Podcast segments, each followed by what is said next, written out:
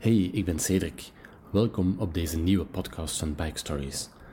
Mark Verleijen werd onlangs 60 en om dat te vieren fietst hij heel IJsland door. Op de allermoeilijkste weg. Een graaf verhaal. Dus ik belde hem even op. Een week voor zijn vertrek. Laten we er ineens naar luisteren.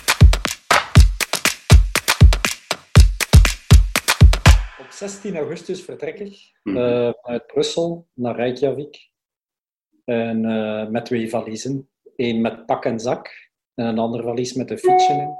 En dan de eerste dag in Reykjavik ga ik uh, besteden aan uh, ineen knutselen terug van die fiets. Mm -hmm. want het is dus geen mountainbike, ik ga dat straks uitleggen. Het is een trekkingfiets geworden, dus je moet helemaal uit elkaar. Ja. En dan, maar het is een, een werkje van een uur of twee, dus in Reykjavik komt dat ding terug helemaal in elkaar. En van daaruit ga, ga, je dan heel het land doorkruisen? Of wat zijn je plannen precies? Wel, eigenlijk, uh, ik had dus een film gezien op YouTube van vier uh, jonge mensen die het land doorkruist hebben met mountainbikes. Dat waren hele sterke mountainbikers, waaronder ook een Olympier. Mm -hmm. uh, en die hebben dat op een vrij korte periode gedaan. Uh, als bikepackers, dus met een minimum van materiaal op de mountainbike en met zeer lange etappes van 130, soms 150 kilometer. Wat hen toeliet om zeer uh, licht te reizen en ook zonder tent te reizen. Okay. Dus uh, van hut naar hut, want in uh, het binnenland, in de bergen, zijn her en daar ook shelters en berghutten. Um, en toen dacht ik, hey, dat is interessant, maar wat zou zo'n tocht kunnen worden als ik dat vertaal naar een solo-reis? Want ik krijg niemand zo gek genoeg om mee te gaan. En als ik dat nu vertaal naar een versie 6.0, want ik ben 60 geworden en ik heb dan gezegd van hoe ziet dat eruit? Dus de sterke punten die die mannen hebben, ze zijn maar vier, een Olympia daartussen, onwaarschijnlijke atleten, uh, alles gericht op snelheid enzovoort. Hoe kan ik dat vertalen in uh, een reis, solo, een zestiger, die per definitie niet meer de fysieke capaciteiten heeft van die atleten? en dan ben ik eigenlijk uh, beginnen met dat even de vertaalslag te maken. Eerst en vooral, ik heb meer tijd nodig. Hmm. Meer tijd betekent uiteraard meer gewicht. Want ik, moet, ik kan niet in die hutten slapen, want de afstanden tussen die hutten zijn te groot. Dus ik moet een tent meenemen, een matje, slaapzak. Ik ben langer onderweg. Meer eten, meer kleren, meer brandstof. En dan kom je eigenlijk tot een totaal andere reis, die er anders uitziet. De uitdaging is gigantisch.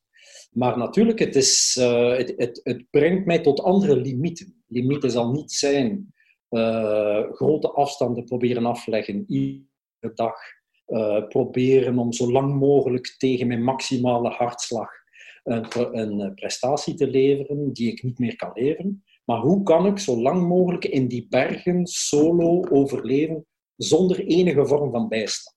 Ja. En dat wordt een totaal nieuwe reis die je dus op een ander, met andere parameters in elkaar moet gaan. Spannend. Dat, dat, is, dat, dat was de opdracht, dus daar heb ik mij een tijdje mee bezig gehouden. En dan kom ik uit van een mountainbike naar een trekkingfiets. Dan mhm. kom je uit naar zeer lichtgewicht uh, materiaal om in het hooggebergte te overleven.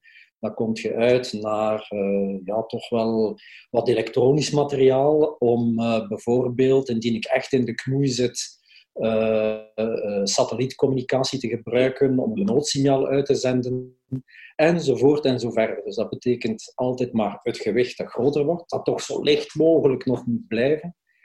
En ehm, ja, dat is, het, dat is wat ik ga doen. Dus ik ga proberen om het land diagonaal te doorkruisen langs de moeilijkste weg.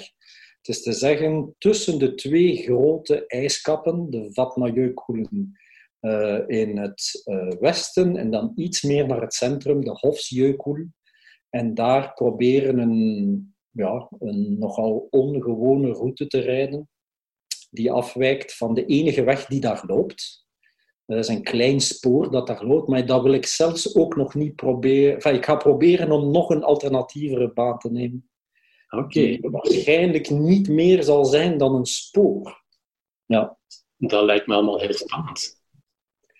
Oh, het, is, uh, het is een mooie... Enfin, ik ben van, uh, van, van hobby van vroeger zijn, zijn wij thuis hier bergbeklimmers. Dus ik kan hier... En daar, ik heb ook zo'n lijstje gemaakt van welke troeven heeft een oude snoek van 60 jaar nog. Wat kun je eigenlijk nog in de balans werpen tegenover die jonge atleten? En een van, mijn, een van de dingen die ik kan, kan gebruiken is mijn ervaring als alpinist.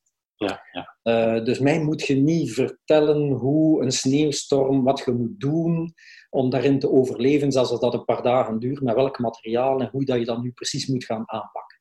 Okay, dat, dat, dat, dat zijn dingen, ja, dat ken ik. Ja.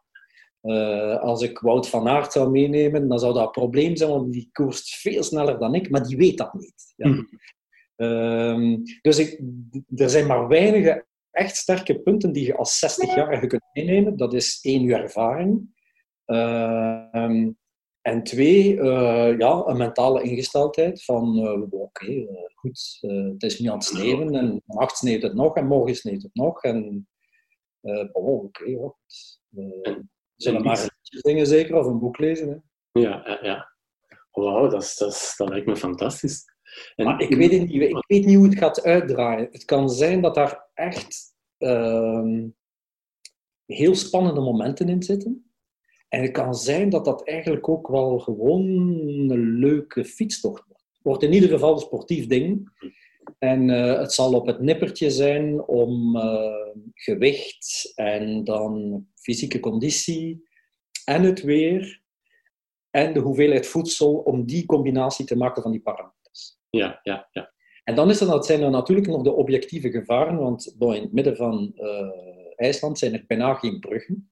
Maar dan zijn wel die ijskappen en die smelten af in de zomer. En dat zorgt voor, voor rivieren die niet overbrugd zijn.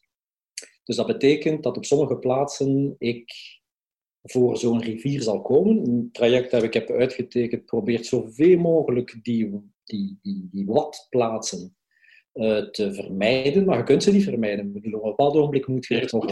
Ja. En als dat 30 centimeter is, ja, dan, uh, dan is dat 30 centimeter. Ik doe mijn gimpies aan, uh, die ik daarvoor speciaal meeneem, om dan toch veilig tussen die keien en, en, en dan, dan, is dat gedaan. Is dat een kwestie van de koude voeten. En als het dan regent of wat smeltende sneeuw, heel koude voeten. Maar dat is het minste. Uh, wanneer dat natuurlijk uh, stromend water is van een meter diep uh, en met een zeer groot debiet, ja, dan sta ik daar. Dat is een heel ander verhaal. En dan? En dan is het ofwel, als dat bijvoorbeeld in de namiddag is, wachten tot s morgens vroeg, want natuurlijk de gletsjers, net zoals in de Alpen, die smelten minder snel af. Er is minder smeltwater s s'nachts en in, vooral in het ochtend, vroeg in de ochtend. Dus dat betekent even de wekker zetten om drie uur en dan zien of het water gezakt is. En dan in je blootje erover en desnoods in drie, vier keer de fiets en het materiaal overbrengen. En dat kan in, per, in sommige etappes kan het wel drie, vier keer het scenario van de dag zijn. Maar, nog eens, dat kan heel goed meevallen. En daar waar ik dus problemen verwacht, kan ik daar ineens voor een pissertje staan van 30 centimeter. Eh, dat je achteraf zegt, was het dat maar. Mm maar dat weet je dus niet. Maar dus natuurlijk, je moet uh, qui peut le plus, peut le moins, zeggen ze in het Frans. Dus je moet je altijd voorbereiden op de worst case scenario. En dat kan ook zijn dat ik daar gewoon voor een rivier zit en dat ik zeg van, ja, nu is het even kamperen. Hè. En dan wachten tot er iets gebeurt. Gebeurt er niets, dan hangt alles af van uh, the point of no return. Uh, als er een point of return nog is en ik zit vast, is dat goed nieuws, dan kan ik terugkeren. Als ik zit tussen twee rivieren, dan wordt het spannend natuurlijk. Want het kan zijn dat je de tweede niet meer over kunt, maar dat je de eerste ook niet meer over kunt. Dan zit je vast. Ja. Dan hoop ik dat je een goed boek bij hebt. Dan uh, moet ik ofwel uh, een goed boek bij hebben, veel geduld hebben en dan ja, wachten tot er, tot er iets gebeurt. Ja. Het kan ook zijn, en daar het zou zijn dat ik dat misschien wel als reddingsboei kan hebben. Dat er dus van die grote... Want uiteindelijk IJsland is nu met de pandemic is een zeer populaire bestemming geworden. 90% van alle toeristen zitten met twee en lichte vierwiel aangedreven voertuigen in, in de periferie eigenlijk, op die grote ring road. Uh, dus veel minder mensen in het binnenland. Maar in het binnenland dan zijn er natuurlijk nu meer en meer van die dure grote expeditievoertuigen. Uh, die vele honderdduizenden euro's kosten en waar mensen eigenlijk ja, het land doorkruisen. Uh, en af en toe zal het misschien wel zo zijn, als ik dan vastzit en ik kom zo'n voertuig tegen, dat ik dus even die mensen beroep ga moeten doen om ja. een rivier te overkruisen. Of, uh, dus je bent niet volledig afgelegen heel de tijd? de, in het binnenland wel. Dus dat zou kunnen zijn dat ik daar even gedurende een week dus totaal niets of niemand zie. Ja. Oké. En dan van Reykjavik tot dan uh, Noordoost was het? Hoeveel ja. kilometer zou dat ongeveer zijn? Wel, ik heb voor de meeste routes heb ik alternatieve routes. Dus dat zou kunnen zijn dat ik daar, uh, dat zou kunnen liggen tussen de 650 en de 850 kilometer. In functie van het type route dat ik ga doen. Ja, en hoeveel tijd geef je ervoor? Um, ik ga vier weken van huis zijn. Daar zitten dus met andere woorden reservedagen in. En grosso modo heb ik geschat van op het moment dat ik echt autonoom ben en dat ik daar dus uit de bewoonde wereld ben, dat ik per twee dagen een reservedag heb. Mm Reservedag kan zijn een rivier, kan zijn mijn oude karkas draagt mij niet meer of duwt mij niet meer over de, over de bergen. Uh, het is dus echt ja, het, het, het avontuur uh, vertaald naar een versie 6.0. Wauw. En heb je daarvoor ook al eens een versie 5.0 gedaan of een 4.0? Doe je zo van die reizen regelmatig? Oh nee, ik uh, train, ik ben in goede conditie. Ik train met een mountainbike. Ik, uh, twee jaar terug uh, ben ik eens gewoon van hier in België tot in Spanje gereden. Voorbij Pamplona even. Met twee keer de Pyreneeën over en zo. En uiteindelijk, wat ik gemerkt heb, is dat het zeer belangrijk is dat je zeer snel een soort evenwicht vindt. Dus een evenwicht dat fysiek en mentaal is. Mentaal is dat geen probleem. Ik bedoel, weg zijn, op de baan zijn, avonturen beleven, zelfs als dat regen is. Mensen die zeggen, ik vind dat mentaal belastend, ja, die moeten thuis blijven, vind ik. Of die gaan ergens naar, weet ik veel, naar een strand en die lezen een boek. Maar als je eigenlijk, als je zo'n dingen kunt doen en moogt doen, voor je vrije tijd en je hebt daar mentale stress van, dan vind ik dat niet echt toch de, de juiste insteek. Dus mentaal is geen probleem, maar fysiek natuurlijk, dat wordt, uh, dat wordt iets anders. En ik heb gemerkt dat als ik naar Spanje ben gereden, na 14 dagen kom je in een soort ritme. Mhm. En dan begrijp je dat je na vijf, zes dagen best een keer een dagje een, keer een stad bezoekt of een keer niks doet of zo. Een beetje rondloopt, is iets anders doen. En na vier weken had ik door, of na vijf weken, dat ik in een ritme zat dat me toeliet dat, en die met mij gezegd hebben, zou gezegd hebben, en nu heb je de tijd en uh, de mogelijkheid om tot in China te rijden, dan was ik vertrokken.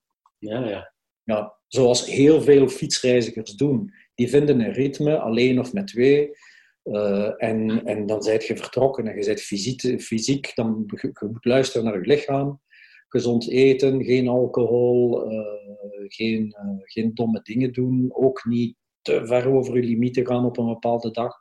Maar als dat is gebeurd, dan zit er dan eens een keer twee rustdagen in in plaats van enzovoort enzovoort. Ja, Dus evenwicht vinden en gewoon een goed in je vel voelen. Dus dat is mijn, mijn 6.0. 6.0, ja. dat betekent er naartoe gaan met een goede gezondheid en een zeer goede basisconditie. En niet als een atleet die probeert een race te doen in zeven dagen of in zes dagen dat ding te doen. Nee, dat, lijkt... dat kan. Ja, het lijkt me de meest gezonde instelling natuurlijk om daar... Het is niet de veiligste, natuurlijk, op mijn manier. Hè. Bijvoorbeeld in bergbeklimmen, want ik maak heel veel de link naar mijn verleden als alpinist. Uh, als je een heel hoge berg wilt beklimmen, de beste manier om dat te doen is keihard fysiek voor te bereiden. En dan met een zeer lichte bepakking en met een minimum aan technisch materiaal. Uh, in alpine stijl, dus echt van het ene kamp, hoogtekamp naar het andere, door naar de top en dan woem, terug naar beneden racen. Heel snel echt. Dan, gaat je dus, dan, dan haalt je een aantal risico's weg. Mm Het aantal, de objectieve risico's van een zwaar probleem te hebben met weer, ja, die, worden, die verkleinen. Dat is pure statistiek. Dus het feit dat ik daar langer ga over zetten, maakt mij natuurlijk veel kwetsbaarder. In de zin dat statistisch de kans groter is dat ik daar in een paar serieuze sneeuw, of uh, sneeuw zal het niet zijn, misschien wat natte sneeuw in de bergen, maar in lange stormen ga zitten of uh, dat het weer eens omslaat uh, voor een paar dagen. Want hoe, zijn, hoe moet ik mij het weer voorstellen in IJsland in de zomer? En dat kan four seasons in a day zijn. Dus nu is dat daar, het is, het is een, eh, een maritiem klimaat, dus in principe is het daar niet zo vreselijk koud. Nu zijn er, gisteren was er een temperatuur, ik heb nog eens gekeken, van 10, 11 graden in, uh, in Reykjavik. Ja, voor sommige mensen in het zuiden van Europa zo, ik ken er een aantal vrienden en zo, zijn dat dikke jassen en handschoenen.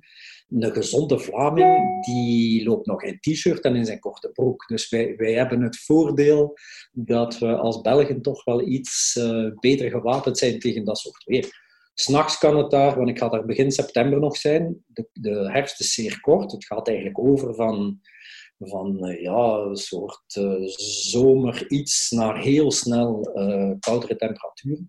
Dus ik ga daar s'nachts ja, negatieve temperaturen kunnen hebben in de loop van september. Maar ja, niet extreem. Maar nee, dat is min 2 of min 3 ja. is tent, dat is, dat is niks. Een donslaapzak tegenwoordig, zelfs goedkope dingen uit de decathlon. Dat gaat, ik, ga, ik vertrek nu met een slaapzak van 35 jaar oud. Mm, ja. Dat nog altijd. Ja, maar natuurlijk, je kunt daar ook een reis van maken die uh, je financieel volledig stretcht. Hè? Dus je kunt, dat kun je allemaal doen, hè? met tot een lepeltje dat van titanium is en dan en allerlei spulletjes tot op de millimeter afgemeten. En dan zit je natuurlijk dan zit je een zeer dure reis aan het plannen. Waarschijnlijk. Ja. ja. En, en hoe zit het met jou? Dus hoeveel kilo ga je dan meenemen? Uh, mijn fiets is zwaar, want het is een trekkingfiets. Mm Dus dat zijn zware velgen, zware spaken, zware naven, zwaar kader, zwaar stuur. Dus alles zwaar. Dat ding weegt bij de 20 kilogram. Ja. Ja, en dan voor het voedsel, daar ga ik, uh, ik ga proberen om dat toch uh, rond de 6, 7 kilogram en niet meer. Dat betekent dat ik redelijk gecondenseerde dingen moet meedoen en dat ik eentonig zal eten. Mm -hmm. En daar heb ik een trucje voor, dat uh, de Sherpas in de Himalaya ook gebruiken. Dat is rijst met linzen. Oké. Okay.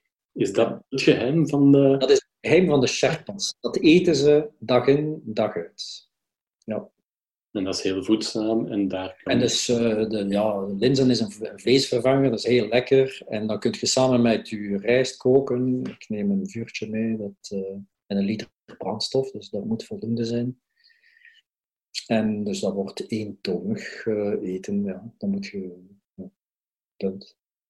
En in het binnenland zijn daar zijn er helemaal geen dorpjes of zo waar je dan ook eens kan eten? Nee, uh, eigenlijk in het zuiden zijn nog een paar plaatsjes, uh, kleine plaatsjes, waar uh, een, een, winkeltje is. en die, ja, natuurlijk, de, de kaarten zijn, zijn laat, laten toe om dat, om dat goed, goed te plannen. Dus ik heb een dagplanning, ik heb een planning per dag. Hmm. Ik weet precies waar ik nog wat inkopen kan doen. Kan doen. En waar ik eh, dan definitief uh, ja, met, het moet doen met wat ik heb. En de laatste keer zal zijn, uh, na ongeveer wacht door vier dagen fietsen, dan kom ik nog in een pompstation. En dat pompstation is een winkeltje. Dus in het zuiden nog. en daar kan ik nog even mijn tentje opzetten. en ja. Maar bon, veel zal daar niet zijn. Mm -hmm. Wauw, indrukwekkend. Nee, dat is niet indrukwekkend. Eigenlijk is dat gewoon uh, een aantal parameters bijeenbrengen en dan zien wat je ermee kan doen. Ja. Uh, mijn grootste bekommernis, uh, enfin, thuis dus de bekommernis van leven terugkomen aan de andere kant. maar persoonlijk, ik wil daar niet te veel vissersverhalen over vertellen. Er is natuurlijk altijd een risico, maar dat heb je altijd. Ik bedoel, je, je, leest de, de, de domste stoten, moet maar ongeluk zit soms in een klein hoekje. Uh, maar voor mij is het gewoon het proberen gezond te doen. Hè. En het grote uh, voordeel is die, ja, die ervaring, de Troef 6.0.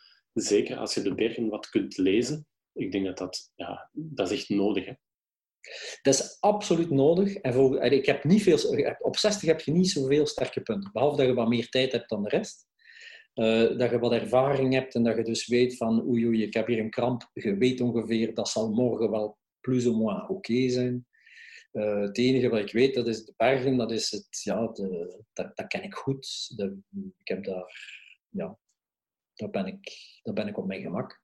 Ja, en ook met de fiets. En ook met de fiets. Ik ben een vrij goede technische mountainbiker. Dus in, in puur technisch rijden, afdalen en zo, zal ik... Uh, ik was, ben ook iemand van de, van de allereerste generatie, toen er nog geen mountainbikes waren. Waren we in België met een paar mensen die daarmee pas begonnen zijn.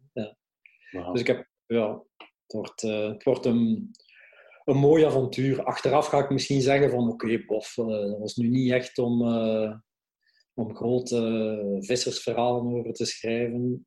Maar het zou anderzijds wel eens een keer een leuk avontuur kunnen worden. En ik ga me amuseren. De bedoeling is om mij te amuseren. Hmm. En hoe heb je juist al die etappes voorbereid? Omdat je dan zegt um, dat alternatieve gaat volgen. Waar vind je al die info terug? Eh, wel, de info, de, eigenlijk is het wel. Um, ik heb gewoon een lijn getrokken. Ik wou absoluut langs die ijskappen gaan. Dan gaat je een paar YouTube-filmpjes bekijken van mensen die dat met de auto of met zo'n expeditie voeren. En dan zie je dan echt foto's en, en, en filmpjes en beelden. En je zegt, dit, dit wil ik echt gaan zien.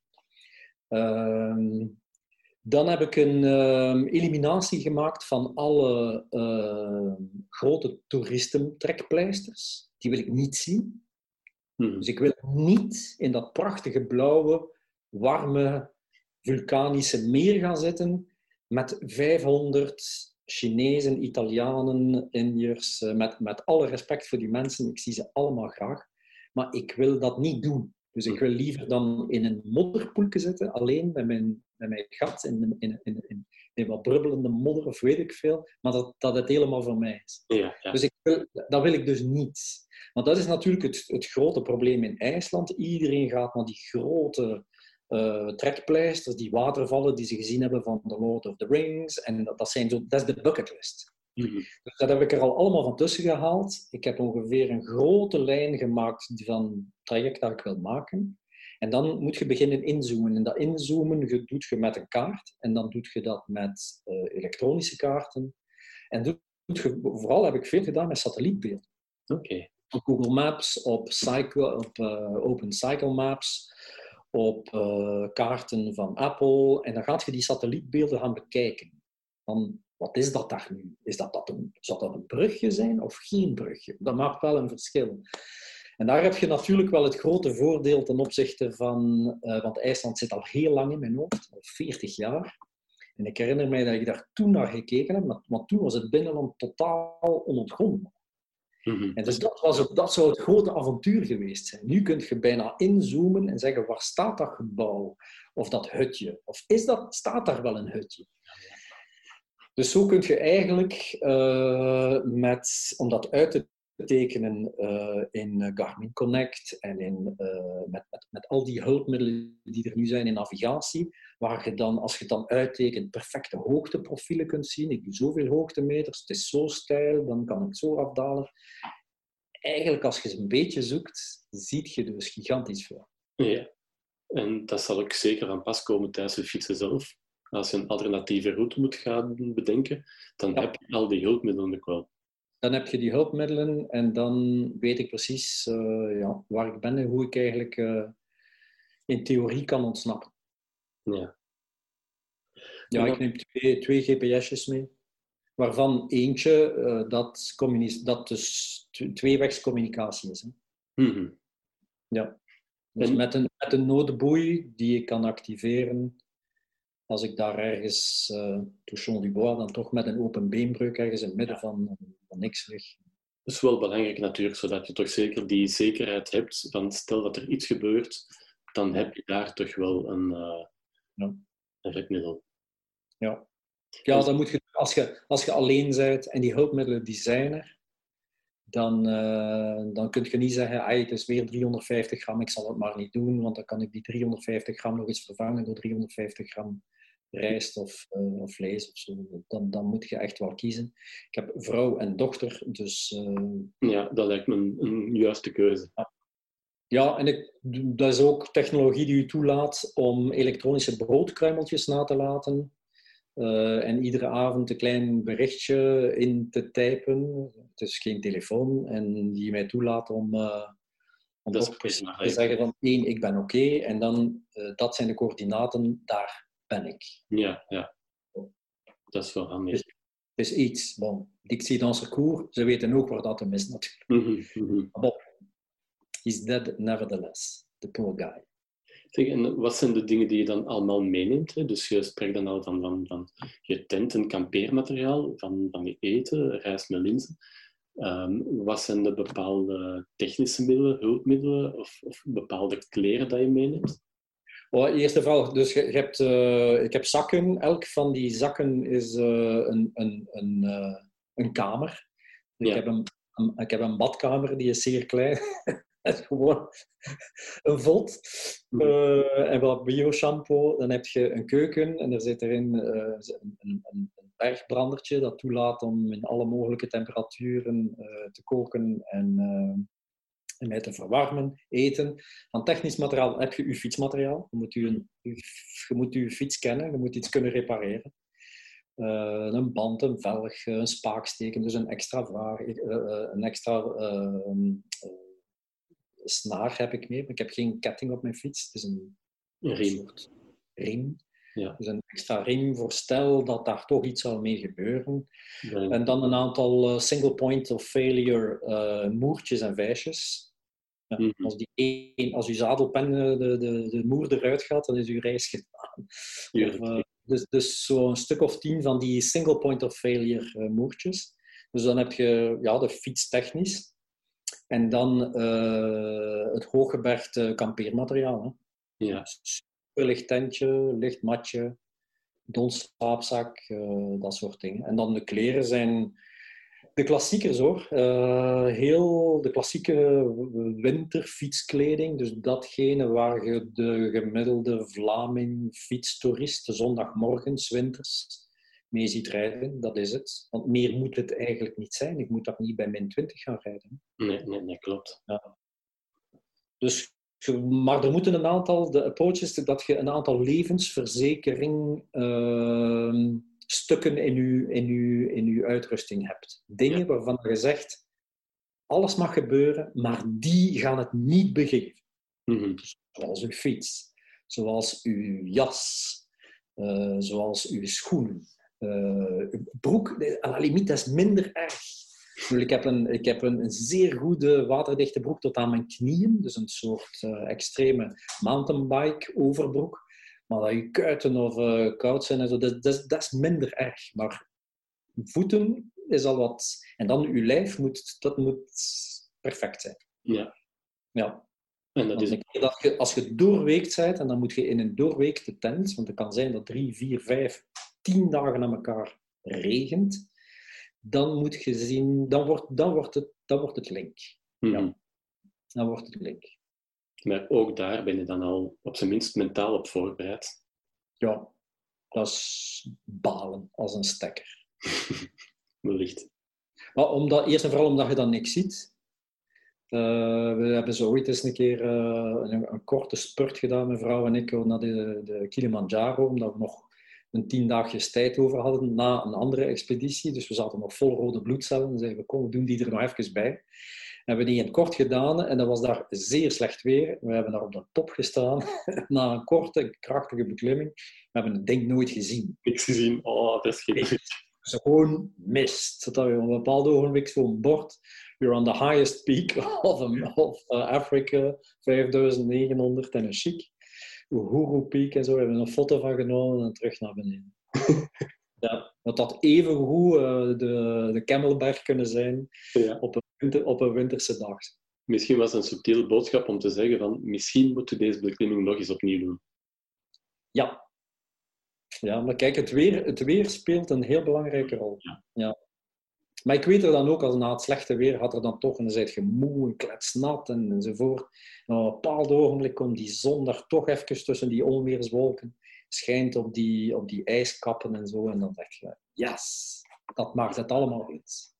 Ja, ja. En voor, de rest, uh, en voor de rest zingen hè, op de fiets. Als je koud hebt, zingen. Is Werkt. dat? Doe ik altijd, dat doe ik altijd, ja.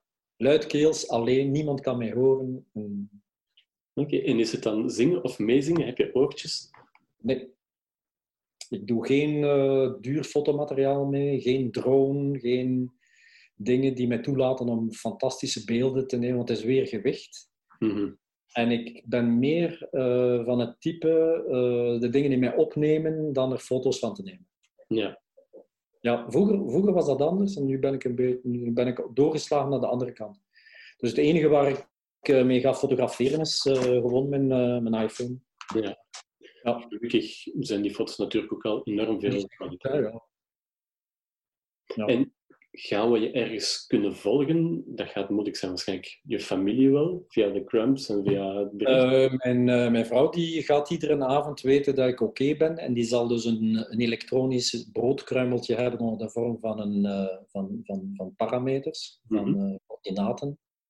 Maar als ik... eh, en af en toe ga ik kunnen bellen ook. Ehm, ik moet juist nog een elektrisch probleem oplossen aan mijn fiets. Want ik heb vandaag gemerkt dat mijn USB-bel niet werkt. Dus dat wordt, eh, ik zit er nu al een tijdje aan te knoeien en ik krijg het niet opgelost. Eh, want ik moet zelf mijn elektriciteit kunnen maken natuurlijk. Ja, natuurlijk. Ja. En, en hoe doe je dat precies? Eh, wel, er- ik heb, zo, ik heb een, eh, een, eh, een naaf-dynamo op mijn fiets. Mhm. Die is zeer krachtig. Dat laat mij toe om niet alleen voor- en achterlicht, maar ook een USB-aansluiting op mijn stuur aan te, aan te- met van power te voorzien. Maar ze werkt, dus ja, het, werkt niet. Ja. Dus ik, dat, dat is nu een van de probleempjes die ik nu ga moeten oplossen. Ik ben er nog niet in geslaagd. om- Het is echt prutswerk. Ik heb het probleem nog niet gevonden. Maar dat laat mij dus toe om eh, telkens als ik in een afdaling zit, want ik geef toch een klein beetje weerstand, zo'n naafdynamo, Ja. en dan, dan zet ik dat op en dan, eh, dan, dan heb ik zo'n eh, powerbankje van 20 euro. En dat is voldoende om... Dat geeft voldoende energie om heel die Ah, dus ik pak er eentje mee van 10.000 milliampère. Dat is voldoende om mijn, mijn telefoon op te laden. Maar ik ga dus constant mijn toestellen afzetten. Ja, dat lijkt me het beste natuurlijk. Want als je dan iets voor hebt, gelijk nu, het ding werkt tot voor kort en ik gebruik het nog eens en het werkt niet meer. Stel dat je dat voor hebt, nou, dan moet je niet constant eh, overal zitten kijken, waar zit ik hier nu? En Dus, dus die dingen gaan uit. En eh, ik ga af en toe eens een keer eh, checken of ik nog ongeveer op de route zit. Ja, dat lijkt me goed plan. Ja, Zeg, en, en waar kijk je het meeste naar uit? Heb je bepaalde etappes dat je zegt van oh, dit en dit wil ik echt hebben gezien? Of is het meer de hele beleving? En is de beleving. Dat heb ik nu na al die jaren al gemerkt. Ik heb de schitterendste... We hebben altijd verre reizen gedaan en zo. En de dingen die overblijven, die zitten niet in... eh, ik zit hier op de Zuidpool en ik zie eindelijk een Adelie Penguin omringd door allerlei andere mensen in dikke pakken. Niet dat ik dat gedaan heb, maar dat is het dus totaal niet. Het zit in kleine dingen, het zit in momenten van... Allee, ik ben hier nu alleen eh, en ik kijk naar de bergen en ik zie 360 graden op mij niks.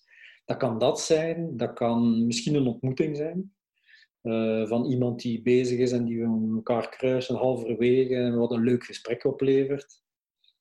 Ehm, dat, zijn, dat, dat zijn de punten die in uw reis altijd overblijven. Achteraf, zo, na al die reizen die we gedaan hebben, en we zeggen, ons portfolio van avontuurlijke reizen en klimreizen en expedities is vrij groot. Dat zijn de dingen die blijven. Ja. De verrassingen. Hm? De verrassingen. Nee, zo dat je zegt van, hè, is dat nu echt aan het gebeuren? Ja, ja. Eh, ja. Ja. Zeg, laat nog eens even over, over je fiets hebben. Want wat voor fiets heb je dan precies en hoe lang heb je die al? Ik heb die al een jaar of drie. Dat is een Santos van bij Jurgen. Ja. Eh, Santos is zo ongeveer ja, de top van de trekkingfietsen. Er zijn nog een paar andere merken, maar dat is echt top, top, top. Ehm, en dat is een ding dat dus eh, de mogelijkheid biedt om zware bagage te, te vervoeren. Ja. Ja, dus daar is niks bijzonder aan. Er zit geen vering op, zelfs niet in het zadel. Dus dat wordt, uh, maar dat is uh, het, ding waar je dus, ja, dan mocht je, dan, daar kun je op rekenen. Mm Ja, het gaat niet stuk.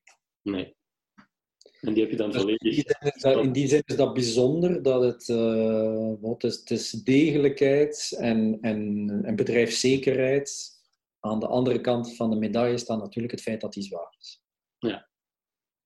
Maar ik heb die fiets al, uh, wij gebruiken, ik, ik gebruik hem als trekkingfiets. We doen er kleine reisjes mee. Uh, vorige maand nog vijf dagen zo in, in België, in de Hoge Venen en Duitsland rondgereden met de bagage van de ene plaats naar de andere. Dat ding is gewoon fantastisch. Er zit zo een Duitse naversnelling op. Opnieuw heel zwaar, maar zeer comfortabel. En ehm, ja, dat, je merkt natuurlijk dat je onderweg bent met een... Ik bedoel, dat zijn dingen die... Uh, dat is met een, eigenlijk met een, een, een dure auto. Ja, je, je, merkt dat dat beter is, want ieder onderdeel is een onderdeel dat beter is dan het klassieke Chinese uh, materiaal. Waar ja, kan je er zo op rekenen natuurlijk. Hè? Ja. Kost geld. Maar bon, uiteindelijk is een fiets, die heb ik voor de rest van mijn leven. Ja. Ik wil nooit meer een ander. En als ze hem niet pikken, dan heb ik die voor altijd. Mm Uiteindelijk is dat een zeer goedkope fiets. Absoluut. Ja, ik moet hem nooit vervangen. En als je het dan hebt over uh, het budget, daar heb je een bepaald budget voor per dag? Uh, over heel de trip? Hoe moet ik dat uh, juist doen? Nee, nee, nee, ik heb geen. Ik, uh, ik, ik doe het op een reasonable, op een echt op een redelijke manier. Want IJsland is een zeer duur land. Mm. Zeer duur, extreem duur.